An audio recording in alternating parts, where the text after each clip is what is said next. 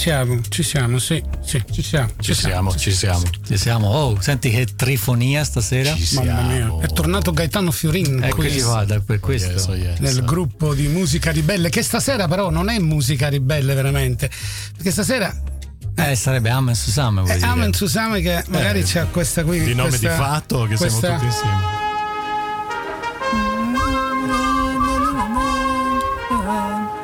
Grazie amici che mi avete aspettato.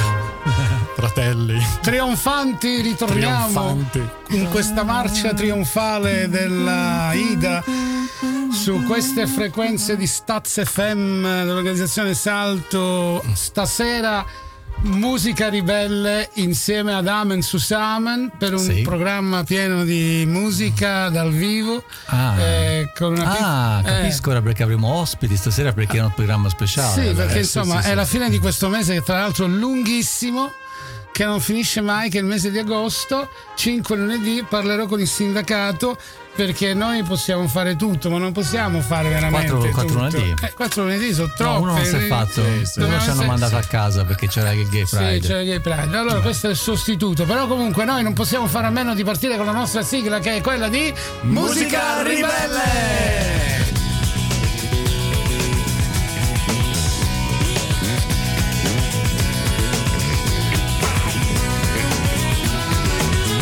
Programma di musica italiana che viene trasmesso tutti i lunedì dalle ore 20 alle ore 21 su queste frequenze di Radio Stazio FM 104 24 2004 in giorni. Nella compagnia di emozione in un trio formidabile composto da una chitarra a cui è presente Stefano Bocconi alla chitarra, e il nostro Gaetano Fiorina al basso, contrabbasso e al controalto e qui dietro questi aggeggini, buttoni, buttoncini c'è Sebastiano Gentile che vi offrono musica ribelle tutti e tre congiuntivamente insieme. Di dormire, legge di amore e di tutte le avventure dentro nei libri. Qualcun altro scrive. Sono sudatissimo perché... sì pure io pure io che ah, sudata arrivare fin una... qua veramente vero, veramente il tempo è strano a parte io ho un po' di come abbassamento di zuccherini. Pressione il tempo cambia, cambia molte cose nella vita. È vero eh, sì, sì. eh, la pressione la glicemia che voglia di cambiare che c'è in me. E comunque si sente già nell'aria il fatto di questo cambio di, di Emozione? Una nuova direzione? Eh, com'era? Sì, sì. Che voglia di cambiare, si sente il bisogno di una, nuova, nuova direzione. No, no, una nuova esistenza. Esistenza. Sembra, Dettata sì. dalle regole comuni da questa falsa personalità. Bene, eh, ok, eh, stasera abbiamo cinque canzoni, ragazzi. Cinque, sì, vabbè, vediamo quante ne facciamo. Ne abbiamo mi, cinque, Woodstock sì, sì, sì, Io non lo so, direi di cominciare con una canzone così che ascoltiamo e poi noi facciamo tre canzoni, una quasi do- dietro ah, l'altra. Proprio così. Noi eh. facciamo il piccolo Amen su Same speciale eh, di musica di bella. E le buttiamo verso, fuori. Sì, verso le 20.30 saremo in collegamento con Tony Balanca. Palermo. Sì, sì, Palermo che ci Con parlerà Palermo. di questo audio video libro che lui ha fatto, insomma ci racconterà questa cosa che lui bella ha fatto e ci racconterà magari un po' com'è Palermo nel tempo che abbiamo in questo momento. Andiamo ad ascoltare la prima canzone di oggi, Coma Cose, Fiamme negli occhi. Quando ti sto vicino sento che a volte perdo il baricentro e ondeggio come fa una foglia anzi come la California. Metà sono una donna forte, decisa come il vino buono, metà una venere di Milo, che prova ad abbracciare un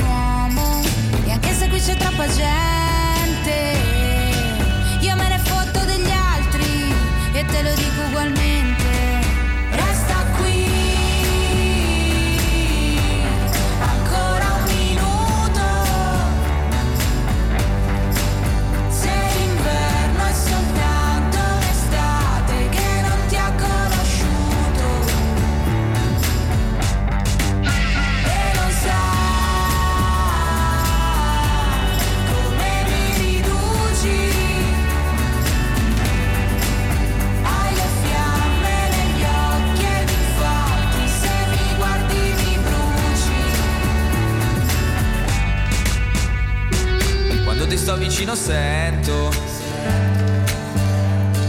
che a volte perdo il baricentro.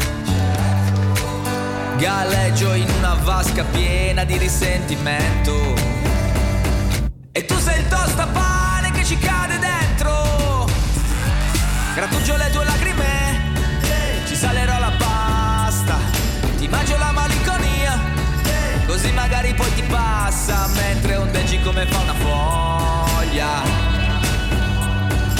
siccome la California.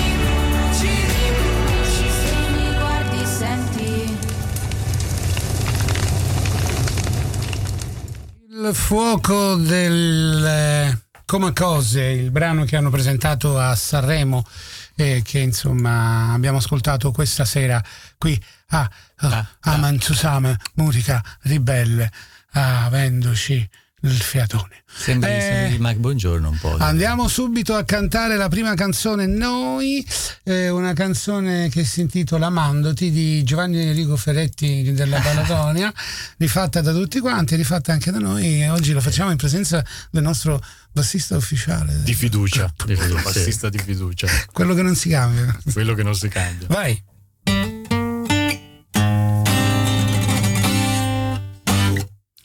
Amarti ma fatica.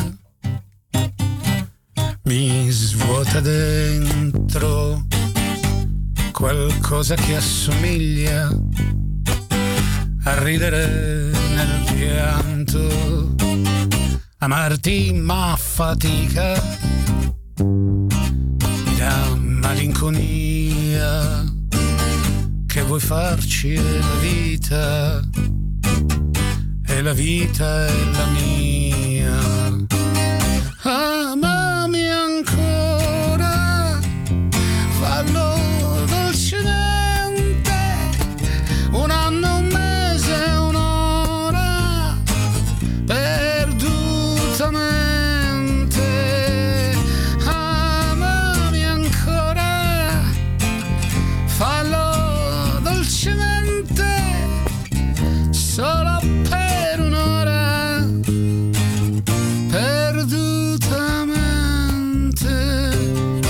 amarti mi consola. Le notti bianche, qualcosa che riempie vecchie storie fumanti. Amarti mi consola, mi dà allegria.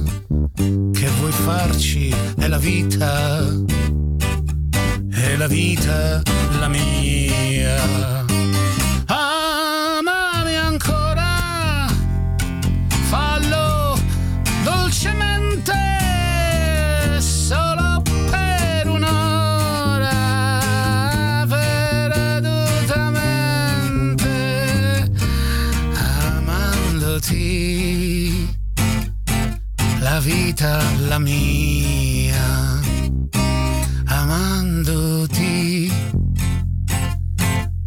vita la mia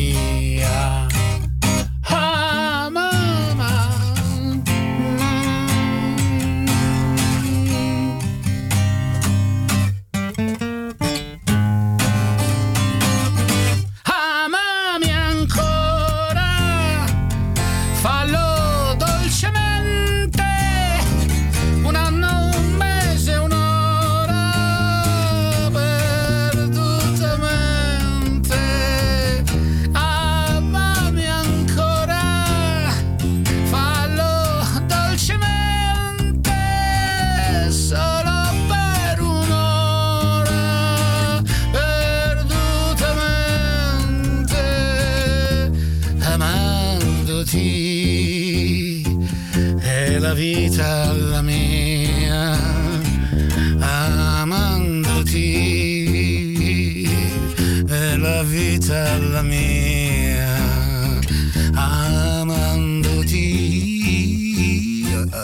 è la vita la mia, amandoti, ti, ti, ti, è la vita la mia.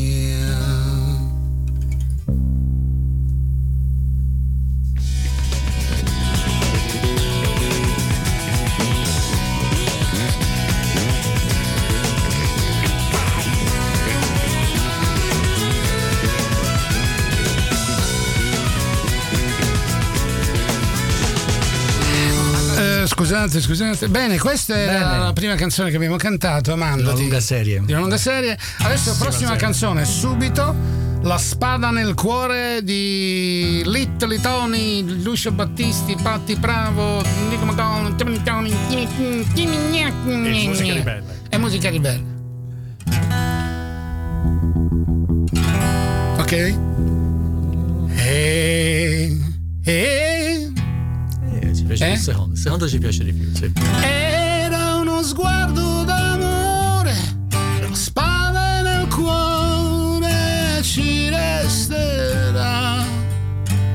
Sei bella in questo momento più bella adesso che il vento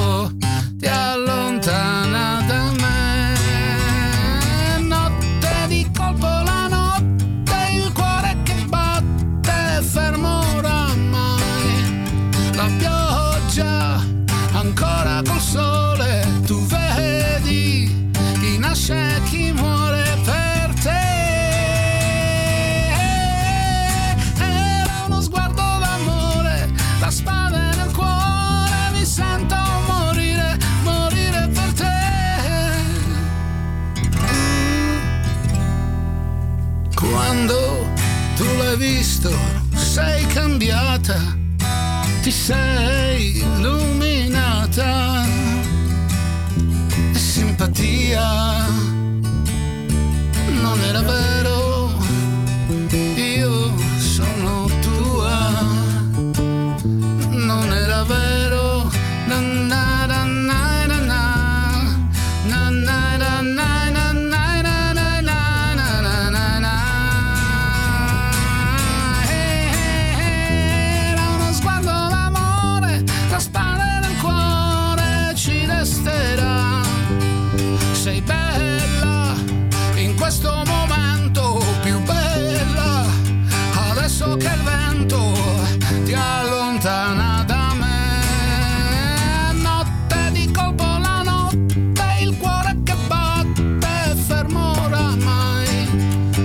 pioggia, ancora col sole, tu vedi chi nasce e chi muore.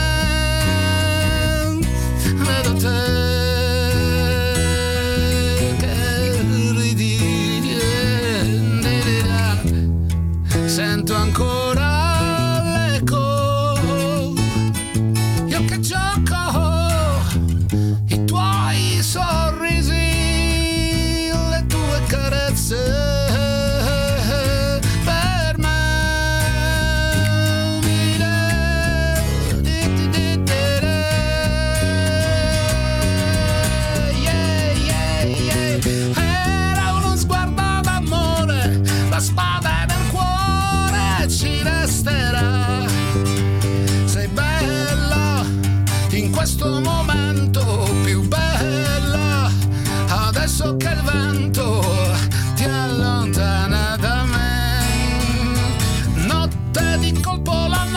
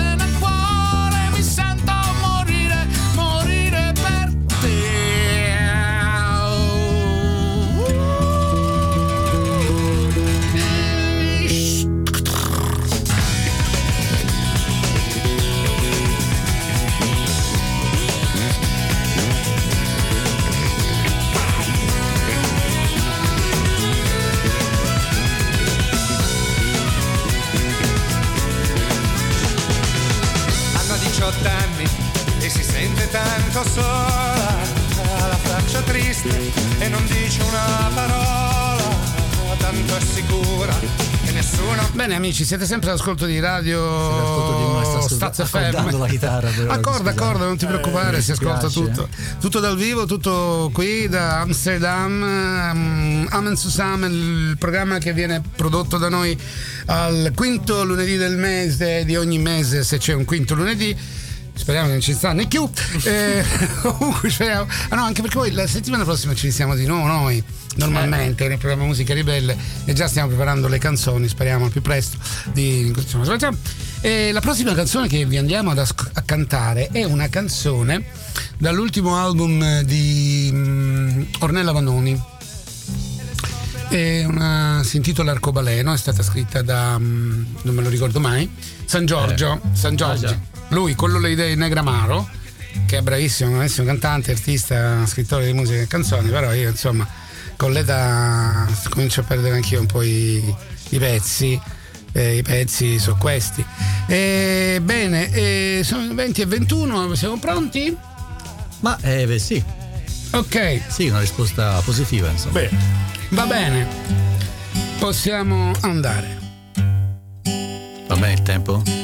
Aspetta. Facciamo una votazione a maggioranza. Siamo Io tre. voto sì. Sì.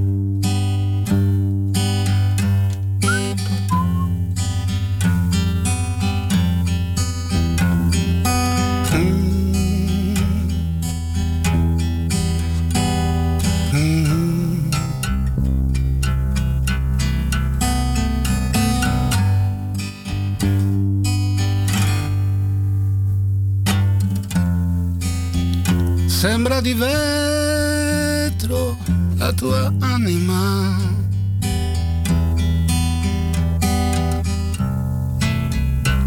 Si riflette dentro la mia favola.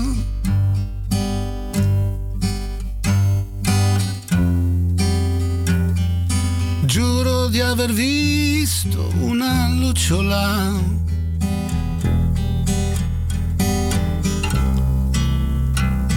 Non mi ricordo più quanto ero piccola.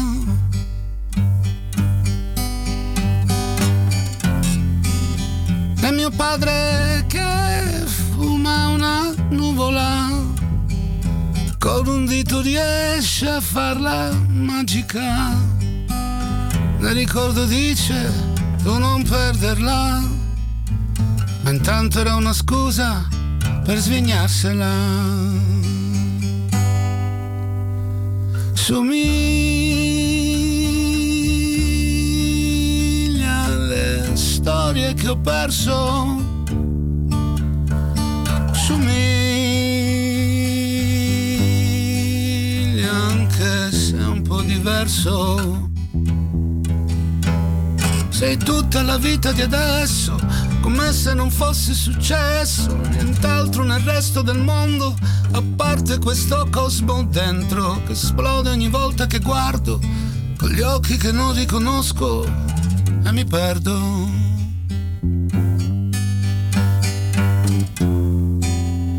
Sembra di vetro la tua anima.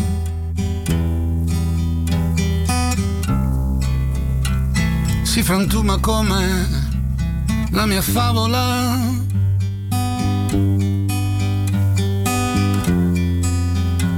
madre che sogna l'America. Chi glielo dirà che il tempo rotola e travolge tutto e poi dimentica. Ma io farò di tutto per portarcela. Somiglia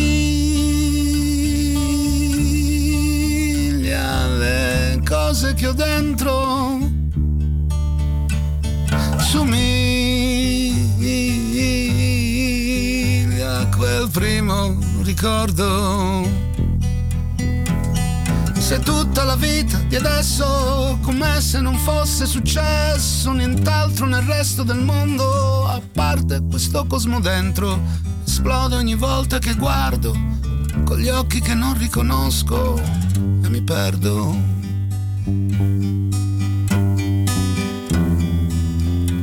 Sembra di vetro la tua anima.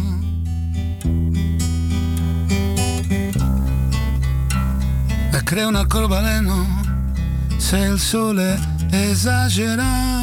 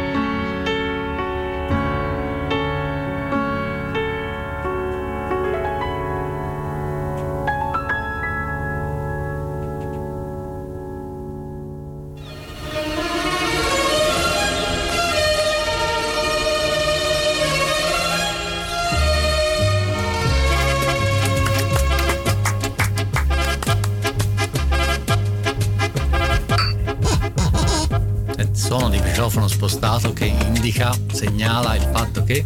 Il fatto che questa sera ci abbiamo ospite con noi Tony Baranca. Pronto Tony? Ci senti? Buonasera Seba. Ecco, buonasera oh. Seba, buonasera Tony, insieme a me c'è Stefano buonasera, Bocconi e c'è anche Gaetano Fiorini che tu hai conosciuto penso, no? Forse sì, sì forse, è no. il, forse. il ragazzo che suona il violoncello se non sbaglio. Quasi, bellissimo. Quasi. Un ragazzo, il violoncello più, più Grazie per il ragazzo. Vabbè perché e splende di luce giovane per questo. Bravissimo. Grazie. Mentre invece Tony, noi, Tony, grazie, se grazie. noi ormai siamo affranti da questo. Sì, esatto. Da questa vita ormai, come si dice? Spericolata. Spericolata. Bene, io sto cercando di capire bene bene tutto quello che possiamo fare in modo... Eh... Allora, uh, Tony, parlaci di questo progetto che hai parlato, che hai fatto di audio video. Praticamente tu racconti la storia di quattro uh, clochers, o no? Di cinque vagabondi che cinque sono. vivono a Palermo, sì. In questo momento vivono a Palermo e sono Natale, Maurizio. Natale Camil, Mihai, Maurizio e Marcel. Eh, Marcel, ecco esattamente. Io qui ho davanti a me Maurizio, non nel senso ha già preparato Marcel. Eh, Natale, adesso vado a preparare l'ultimo. Eh, raccontaci com'è nata questa idea, Tony.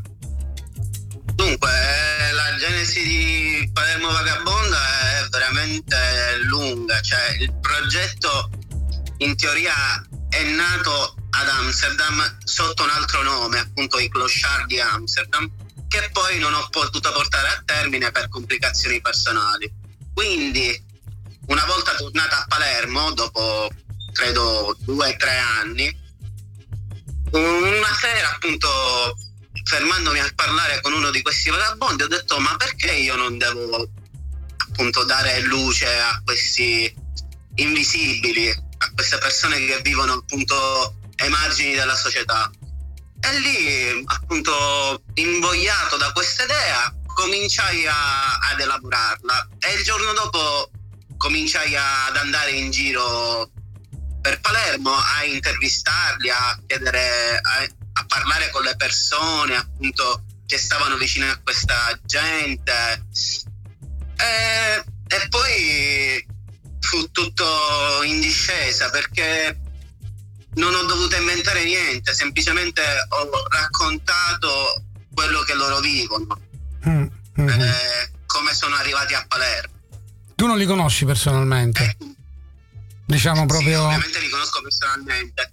Eh, ho portato a loro diverse volte anche del cibo, qualche volta gli ho dato dei soldi, perché appunto ho instaurato una, un, appunto una, specie, una relazione amichevole con queste persone perché in un certo senso portando appunto alla luce la loro storia voglio farli anche conoscere eh, agli altri in modo che anche gli altri possano aiutarli.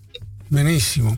Ehm, vogliamo... nelle, nelle, video, nelle foto non ci sono loro, no? Non c'è nessuna persona, dai, soltanto fai la foto del, del posto dove, le, dove, si trovano abitualmente, no? Non, non, non, non, ci sono personaggi, diciamo. Sì, esattamente. No, eh, ho pensato che era troppo banale, che fosse troppo banale mettere le foto dei, dei vagabondi stessi. E poi volevo anche tutelare la loro privacy sotto eh, certi aspetti. Eh. Quindi ho deciso appunto di, di raccontare la strada tramite la strada, tramite i posti, grazie ai posti appunto dove loro dormivano. Perché tu questo l'hai realizzato insieme a Mauro Caspanello e Giorgio Rampulla, giusto? Sì, Mauro Caspanello è, lui è un grandissimo musicista che appunto sta studiando per eh, sa, con, eh, sviluppare al meglio il processo creativo che ci sta dietro alle colonne sonore per, per i film. Okay. Quindi non a, non a, caso sono state scelte queste musiche un po' cupe, un po' misteriose, perché appunto lui ha cercato di mh, mm, eh, trasportare l'emozione delle parole in musica e credo a mio modesto parere che ci sia riuscito abbastanza bene.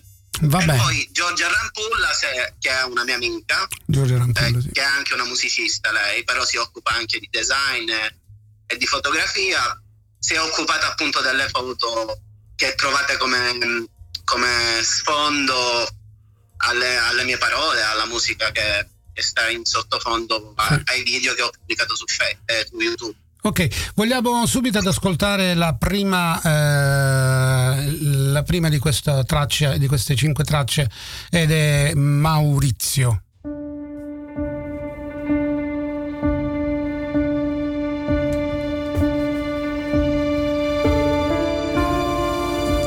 Devastato dall'alcol, dalla vita vaga tra la folla, scippando bottiglie di birra, dormendo sotto le panche della taverna, a volte con un bambolotto, altre con una pistola d'acqua, elemosina attenzioni, facendosi gioco dei passanti.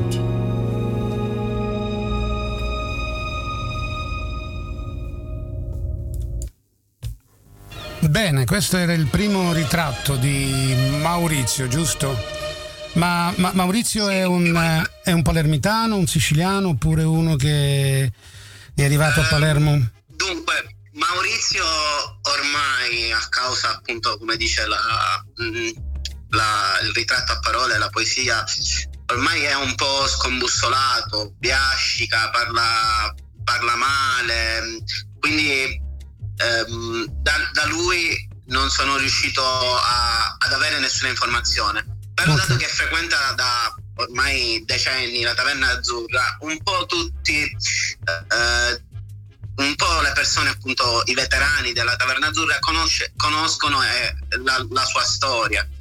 E lui esattamente era eh, di Borgetto, uh-huh. però si è trasferito molto giovane a, a Palermo per anche il desiderio di evasione da un piccolo paese. Ok, adesso andiamo ad ascoltare Mihai. Esatto. Maglia del Palermo, cappello di paglia, faccia arrossata dal troppo bere, combatte duelli da Far West con pistole immaginarie, vincendo simpatie e bicchieri di momentanea spensieratezza.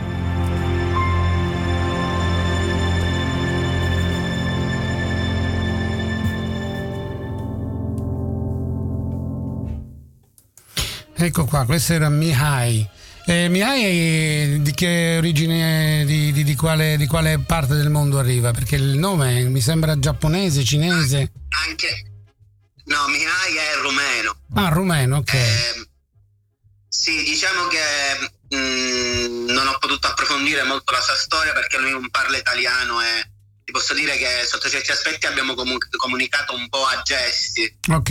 Um, però però abbiamo passato molto tempo insieme e mi ha fatto vedere un po' i posti in cui uh, dormiva, i posti appunto in cui uh, andava di solito, perché anche lui elemosina molto spesso nel, nel, nel centro storico, nel, in zona Piazza Sant'Anna, sempre Lucciria. Okay. Quindi l'ho visto più volte è molto più conosciuto da, per quanto riguarda te. Adesso andiamo ad ascoltare Natale, che è il terzo, Grazie. Il terzo ritratto.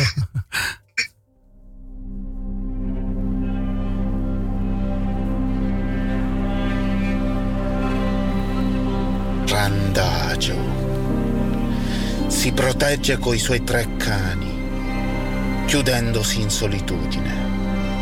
Spesso farnetica parola al vento, credendo di essere capito. Randagio.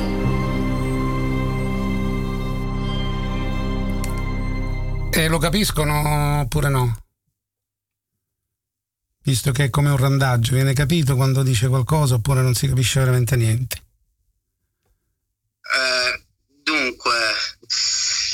stai parlando di miei, giusto? No, stiamo parlando di Natale, che è l'ultimo che abbiamo ascoltato. Na- di Natale appunto è l'unico con cui non sono riuscito a, ad avere un dialogo perché eh, si è rifiutato, non, ehm, non, voleva fare parte cioè, tra virgolette diciamo di questo quel, progetto però quell'orgoglio di essere ancora non essere oggetto di desiderio sì, diciamo. na- ecco eh, ecco, secondo me in lui c'è anche questo desiderio di essere inafferrabile, incatturabile. Okay. E appunto io ho scritto della sua chiusura al mondo e, e, e a me, in poche parole. Ok, il quarto ritratto, penultimo, quello di Marcel.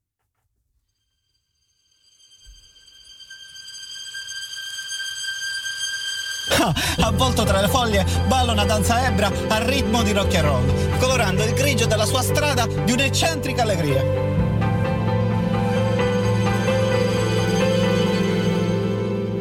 Ecco, questo mi sembra quello eh, tipico del, del, fatto di vivere per strada, ma viverla in una maniera spensierata, allegra, quasi a non pensarci, quasi volerla cercare la strada. Sì, ma inf- infatti lui ha dietro una storia molto... Con lui sono riuscito a parlare in inglese perché parlava male l'italiano e ha viaggiato un po' in tutta Europa. Però anche lui ha una, una storia dietro molto tragica mm. che io ho scoperto tramite un altro vagabondo amico suo perché lui non me ne ha parlato. Lui, quando io ho parlato con lui, lui mi ha parlato di voglia di, di, di, evadere, di stare appunto sulla strada a vivere in maniera improvvisata tutto quello che gli capitasse. Benissimo. L'ultimo ritratto, quello di Camille.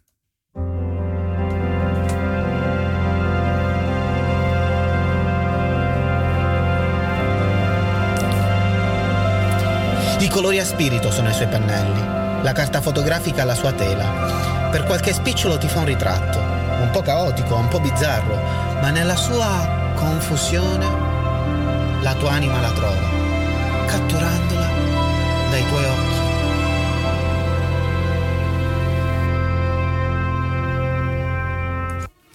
Bene, eh, anche lui insomma preso da questa voglia di, di, di, di, comunicare ma nello stesso tempo di non comunicare, di stare lì ma di non essere lì. Mm, ti, chiede una, ti chiede di farti un ritratto ma nello stesso tempo non lo sa fare, però l'empatia, la voglia di conoscere gente, di stare in mezzo alla gente c'è. No, non, non è che non, non, lo sappia fare, mm-hmm. semplicemente il, il, suo stile è molto confusionario, un po' un misto tra eh, realtà e fantasia, ecco. Ho capito. Eh, Lui oh. diciamo che scarabocchia molto, ecco. Ok. Eh, senti, eh, bellissimo comunque questi, questi frammenti che si, si, si, si eh, si srotolano insieme che praticamente formano queste oh, sorry, queste kleine flash non c'entrano eh, che formano questo collage di, di, di, di, vita giornaliera di vita di strada eh, senza diciamo la pretesa di essere eh, intellettualmente mm, occupato con il lato eh, metafisico di quello che è una persona o di quello che è eh, diciamo il perché o il non. Complimenti comunque da parte nostra, caro caro Tony, e comunque ricordati che tu ad Amsterdam ci manchi perché sei una persona che creativamente eri sempre presente. Addirittura, se vi ricordate, cantò insieme a noi una canzone, quella di. Um, Bruno Risassi. Bravo, Bruno Risassi. Ah, eh, eh, qui in radio? Sì, qui insieme a noi alla radio. Costume da torero. Costume da torero. Ricordo, ok, sì, Tony, sì, noi ti salutiamo, grazie per il tuo intervento. Eh, ti dedichiamo grazie questa canzone di ti dedichiamo questa canzone di Rene Grandi Grazie. che si intitola Bruci Grazie la città. Grazie a voi per l'invito, un grandissimo abbraccio, mi ciao. mancate anche voi. Ciao caro, ciao, a presto, ciao, ciao, ciao. ciao. Buona serata, a presto. Ciao.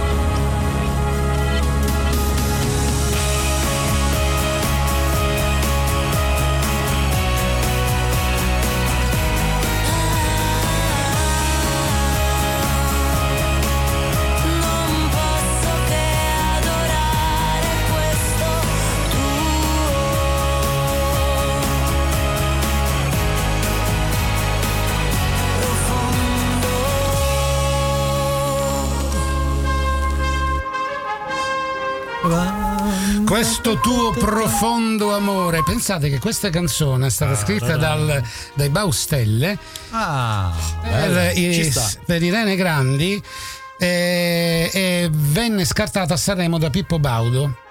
Ah, dal tempo ah, Pippo Baudo, L'anno dopo, questa fu la canzone che vinse il Festival Bar. Ecco. Stiamo parlando di dieci anni fa. Bravo Pippo. È bravo Pippo che fece una bella pippa quella volta. Mi piace ricordare che Irene Grandi, io sì. l'ho vista quando ancora suonavo nei caffè a Firenze. Beh, eh, Irene and the Goppions. Irene and the Goppions suonavano Irene and? The Goppions, non so perché. Credible. What, what was that? Bene, adesso cantiamo noi, cantiamo noi sempre Amen to Same, ovvero musica ribelle, e cantiamo una canzone di Francesco De Gregori, un classico di Francesco De Gregori dal disco Rimmel, Pezzi di vetro.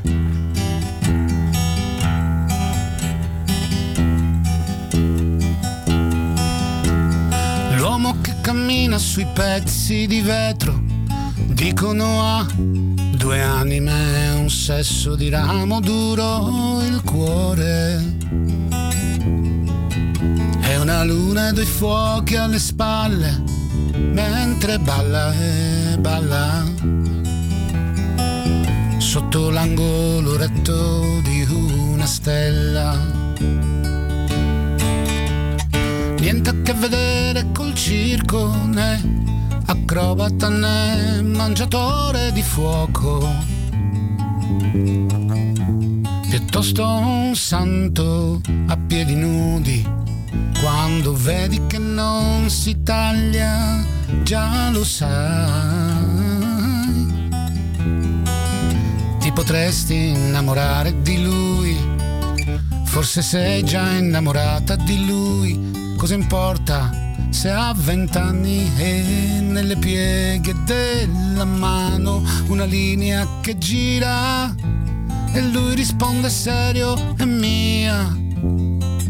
Sottintende la vita e la fine del discorso la conosci già.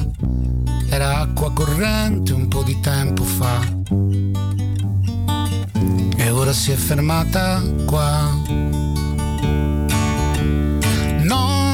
conosce paura. L'uomo che salta e vince sui vetri e spezza bottiglie, ride e sorride. Perché ferirsi non è possibile, morire meno che mai e poi mai.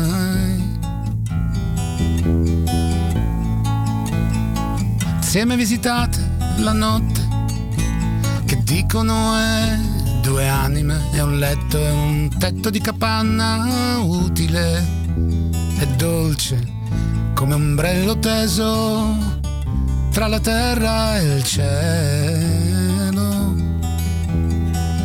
Lui ti offre la sua ultima carta, il suo ultimo prezioso tentativo di stupire quando dice è quattro giorni che ti amo, ti prego non andare via, non lasciarmi ferito e non hai capito ancora come mai gli ha lasciato in un minuto tutto quel che hai.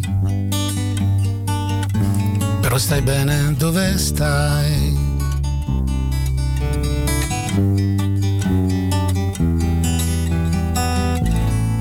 stai bene dove stai.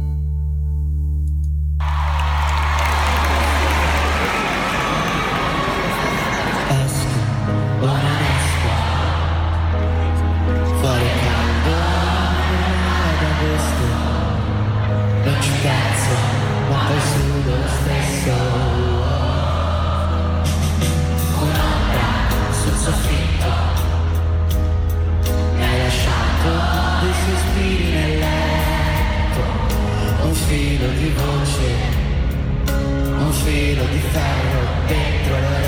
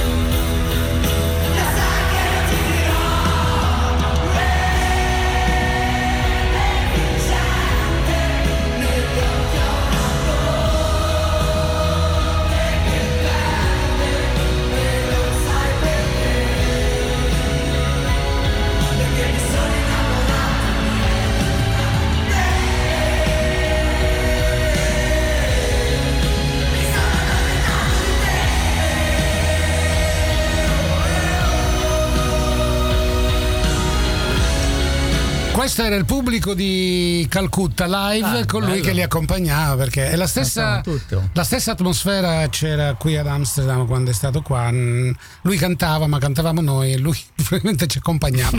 Bene, sono le 20.54, andiamo subito con l'ultima canzone suonata da noi. Testo di Mimo Locasciulli e musica di Mimo Locasciulli, cantiamo testo blu, blu, blu.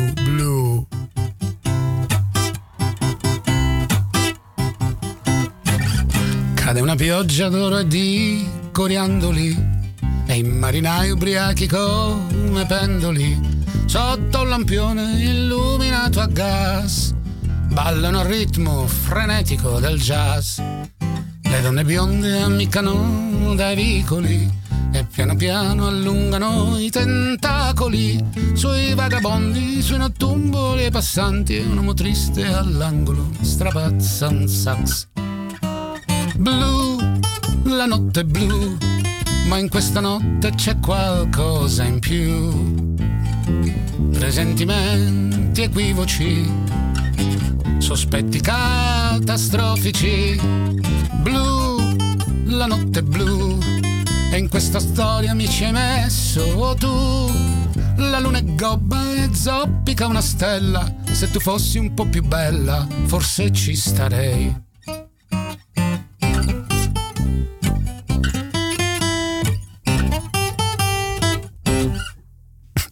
Dietro le quinte di questa scena tragica schizzano gli urli di una moglie isterica.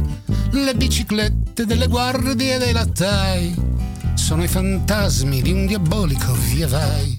In questa giungla non potrò resistere. Io non ho più riserve per combattere. Vorrei gridare aiuto e non c'è più nessuno. E un cane abbaia al vento finché non ce la fa la notte blu, ma in questa notte c'è qualcosa in più. Angosce microscopiche, trappole metafisiche, blu, che notte blu, e in questa storia resti solo tu. E in mezzo al cielo la luna è un buco giallo e prima che ricanti il gallo me ne andrò da qui.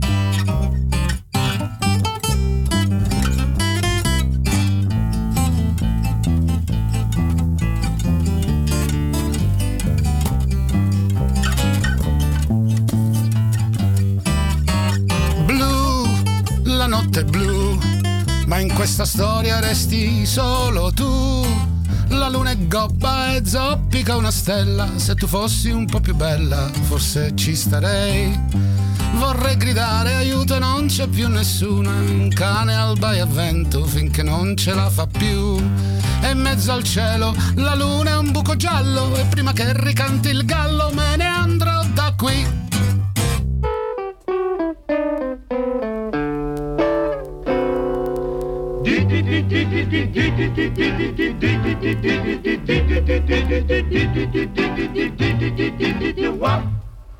Quando nel mio jukebox c'è un disco dei Platters voglio riascoltare soltanto Only sembra tornare l'estate. Um, noi vi salutiamo qui, grazie a tutti, al prossimo lunedì. Uh, thank you very much. Bye bye. Bye bye. Ciao. Ciao. Col one, two, three, sempre a ballar così l'estate morì. Quando nel mio jukebox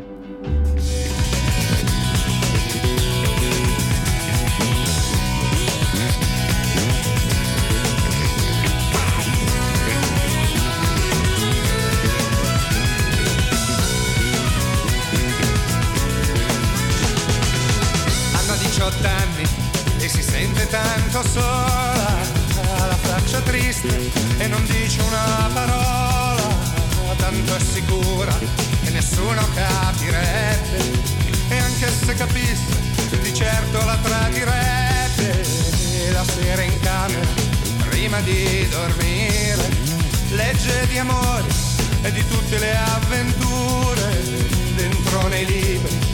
Qualcun altro scrive che sogna la notte ma che di giorno poi non vive.